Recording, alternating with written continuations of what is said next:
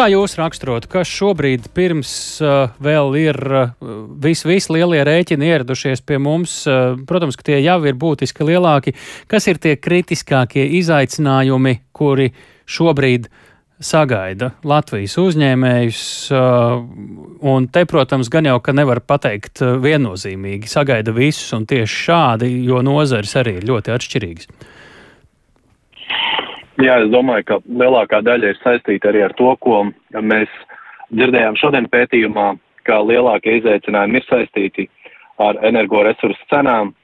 Uh, varbūt tas nav nekas jauns no tā, ko mēs šobrīd kopumā dzirdam to sentimentu. Tas jaunums varbūt bija tas, ka ļoti daudz to uzņēmēju, kuri saskatīja, ka kopumā valsts ekonomika varētu attīstīties negatīvāk, tātad bija pesimistiskāki, tie bija tieši tie uzņēmēji, kuriem uh, energoresursu komponente veido būtisku uh, daļu un kuri bija atzinuši, ka tas viņus ietekmē būtiski.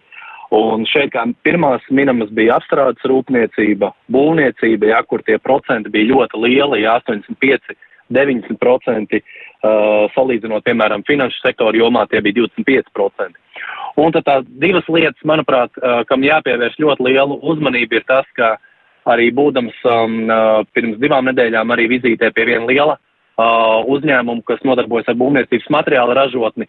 Ir skaidri redzams, ka tās energo cenas šobrīd ir tā ietekmējušas, ka ļoti daudz arī patērē tātad izēvielu ražotāji to ierēķina cenā, uh, piegādā materiālus jau par būtiski uh, dārgākām cenām. Nu, vairs uh, neiet runa par 5-10% sadārdzinājumu, bet 20, 25 un 30.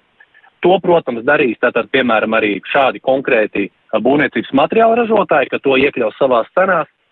Es domāju, ka tas novedīs arī pie tā, ka turpmāk mēs runāsim arī par daudz lielāku algu kāpumu, kas vēl vairāk var dzīt inflāciju uz priekšu, jo šobrīd, manuprāt, tie rēķini, kurus mēs tikai sākam saņemt, tie vēl nav tik daudz iestrādāti tajās paaugstinātajās cenās. Ja mēs sasumējam šo kopā, es domāju, ka mēs tiešām tuvojamies tādam uh, brīdim, ka būs tāda viena perfektā vētra, ja tā var izteikties, šajā ziemā gaidām. Līdz ar to šodien, par ko tad bija diskusija, par to mēģināt prognozēt to visu, kā notiks, vai jau iezīmēti tādi konkrēti uh, konkrētas vajadzības, uh, kāda veida un cik plaši šie atbalsta mehānismi būtu uh, jāveido Latvijā. Jo, laikam, šajā diskusijā es nevaru, ne, neticētu, ja teiktu, ka kāds teiktu, vai vispār vajag. Te, te droši vien par tiem pirmi, pirmiem diviem jautājumiem runāju. Nu, jā, man liekas, ļoti pareizs jūsu uzstādījums. Kas ir tas nākamais? Un tas nākamais, ko mēs secinājām, ja vien to varam parādīt ar datiem, un šodien mēs to skaidri argumentējām šos vektorus, tad ir jādara nākamais. Tie, kuri grib būt konkurēt spējīgāki, kuri grib justies drošāk, ja vēl to nav izdarījuši, šobrīd obligāti ir jādomā par visiem iespējamiem veidiem, kā mēģināt savu uzņēmumu padarīt energoefektīvāku. Un bija arī ļoti labi vairāki piemēri arī uh, paneļos, uh, kuri varēja parādīt uh, to, kādas tad ir šīs te, uh, iespējas, ja arī konkrēti uzņēmumi, kur ir, piemēram, ieviesuši tos pašus saules paneļus, ja, un samazinot šo komponentu, viņi ir daudz konkurēt spējīgāki. Un, manuprāt, tā vairs nav tāda uh, modes lieta kā kaut kas, ko varētu parādīt kā avangardā esošs, kaut kas, kas citiem nav. Nu, šobrīd man liekas, tā ir lieta, kurai vienkārši ir jābūt. Labi, uh, runājot par valsts atbalstu šobrīd, uh, uz ko skatās uzņēmēji, jo nu, ne visi pagūs, ne visiem tas arī ir iespējams energoefektivizēties. Uh, līdz ar to nu, tā jūsu pieminētā perfektā vētra uh, būtu kaut kādā veidā jāpārcieš. Kas šobrīd uzņēmēju jūsu pašu skatījumā būtu tie veidi un arī tie apjomi, kādā valstī būtu jāiesaistās? Nu, jāsaka, jau tā ir šajos pašos nosacījumos, tā kā es jau minēju, es devu saules paneļu piemēru, bet tādi ir arī daudz citu veidu, kā panākt energo efektivitāti, tajā skaitā apgaismojumu mainot uz LED un tā tālāk. Ļoti triviāli piemēri. Un tas, kas ir jādara, ir vienkārši jāveic, es, es domāju, ir jāveic kompetence energo audits, ātrāk, jāsaprot, kuras ir tās sadaļas, it īpaši tajās jomās, kuras jau teicu, kurām tas veido lielāku īpatsvaru, piemēram, apstrādes rūpniecībā, ko mums atzina arī respondenti Un tad identificējot tās jomas, ir vienkārši jāiegulda tur finanses, lai tas ļoti ātri spētu sevi atgūt. Un ir jāizmanto tie mehānismi, kurus šobrīd piedāvā valsts, un mēs šodien runājām arī par to, ka būs programmas pavisam drīz, kurās arī būs kapitāla atlaide, jeb grants, bet tas neliedz jau pēc iespējas ātrāk izmantot arī tās programmas, kurās tā, tie ir aizdevumi. Jā, aizdevums maksā kaut kādu naudu, protams, ka tur ir procentu likme, bet šobrīd pret tik straujiem uh, kāpumiem uh, viens no uzņēmumiem arī ļoti labi šodien parādīja, ka tie visi, kas gaida uh, grantus, ir labi tas brīdis, ka to var sagaidīt, bet slikti, ja tas zaudētais laiks ir tik ilgs, ka sen jau tas instruments būtu sevi ieviestais attaisnojis. Tad tas, ko es šeit sadzirdu, ka tā tendence vairāk ir uz investīcijām, mazāk uz vienkārši tādu naudas došanu, jo tas varētu būt ilgtermiņaināk un rezultatīvāk. Nevis nu, līdzīgi kā Covid laikā vienkārši tika dota nauda, protams, ar zināmiem noteikumiem. Gan, gan, jo tā, šī tēze, ko jūs uz, izveidojāt tādu kopsavilkumu, tas ir pareizs situācijas apkopojums, un par to mēs daudz runājām. Un tās ir tās investīcijas, kas ir nepie, nepieciešams, un manuprāt, tā vairs nav greznība vai kaut kas moderns, tas ir vienkārši, kā jau teicu, tam ir jābūt šobrīd šādos apstākļos.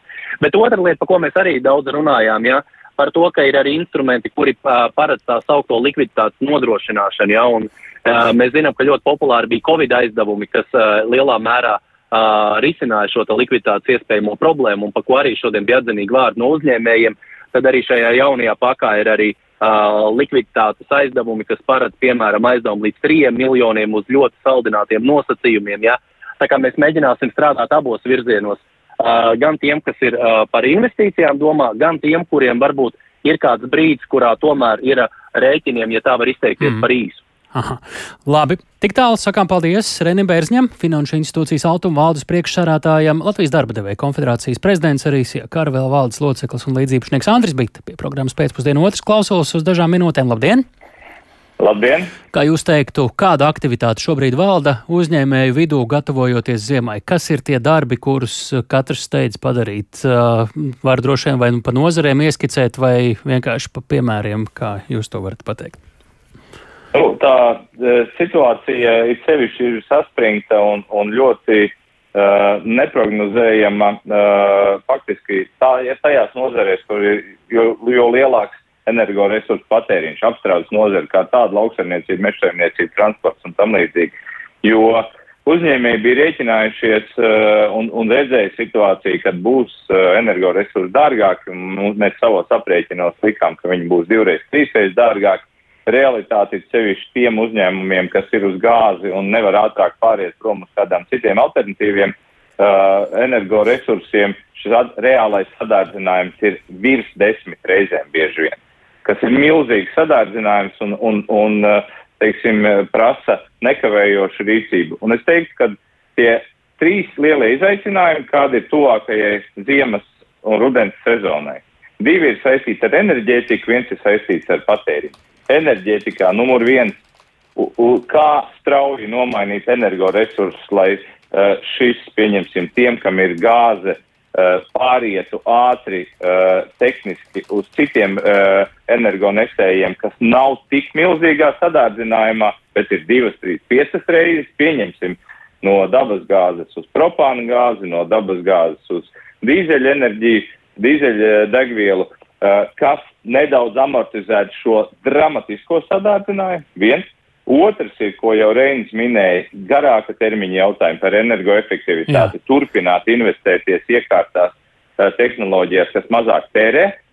Un nesaistītā lieta ar enerģētiku vai, vai daļai saistītā uh, mums ir jārēķinās ar to, ka uh, eksporta tirgos, šeit pat uz vietas tirgu, būs recesija un pieprasījuma samazinājums vienlaicīgi. Kas ir nākamais uh, jo, jau stāsts. Līdz ar to mums šobrīd ir pusotra minūte.